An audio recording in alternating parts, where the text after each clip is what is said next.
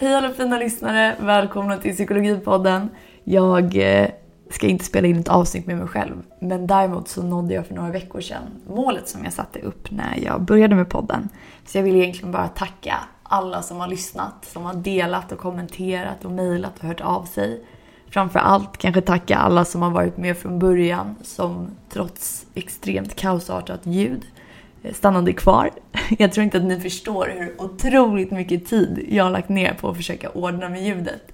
Och så satt jag och läste några kommentarer på min mobil. Och inte för att jag tycker att det är kul för att jag har förstört någons hörsel, det hoppas jag verkligen inte att jag har. Men däremot så tycker jag att det är, ja, det är en person som skrev så här. Vill gärna lyssna på podden när jag pendlar eller promenerar, men det är i princip omöjligt.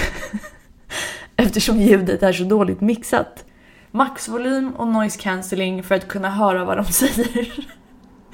Men då får man ju istället en rejäl chock när bitet kommer. Och så var det någon annan som skrev ljudet när ni pratar är väldigt lågt men de övriga ljudeffekterna är väldigt starka och höga.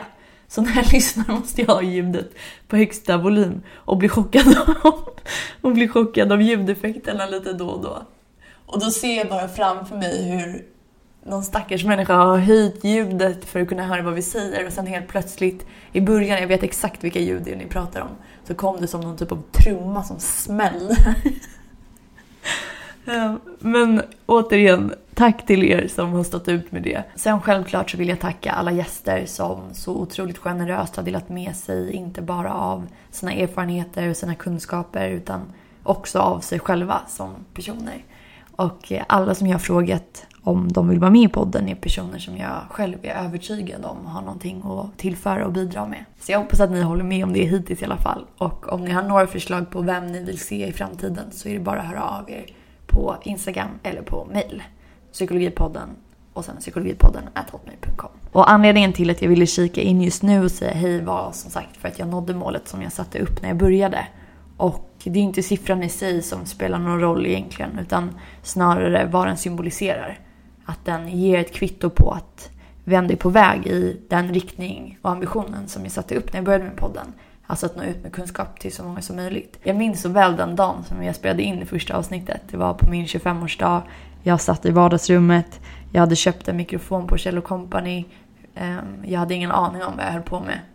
Ehm, och jag minns att jag ville få klart det där första avsnittet så fort jag bara kunde. Så jag satt uppe till fyra på morgonen och försökte göra en jingel. Och det är ju den jingeln som sen gav folk hörselproblem.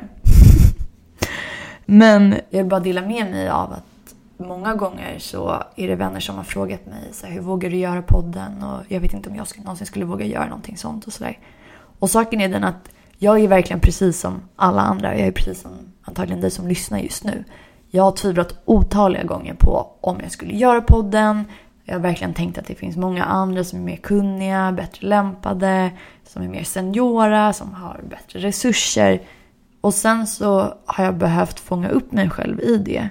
Och påminna mig själv om att här, dels att det är okej okay att tänka och känna så och ändå göra någonting. Och sen kanske framför allt att det är så att det per definition alltid finns någon annan som skulle kunna göra någonting. Jag vet inte om ni minns från andra avsnittet när vi pratade om non-ananism. Men ju mer jag lär mig, desto mer så inser jag också hur lite jag vet. Och om man då utgår ifrån att lärandet är en ständig process så gör det ju faktiskt inte så mycket att jag inte vet allt. Om man ska hänga upp sig på sånt så blir det inte så mycket gjort. Jag tänker bara att om det är någon som sitter och tvivlar på om det är något projekt ni skulle vilja ta er an eller ett jobb eller att gå och testa på en ny aktivitet, alltså vad den är. Att våga utmana sig i små vardagliga situationer. Jag tänker ganska ofta på det. Jag blir ganska ödmjuk varje gång jag påminner mig själv om att i varje ögonblick så, som man möter en person så kanske de just nu utmanar sig själva. Alltså att ta ögonkontakt, att prata med någon, att ta ett handtag.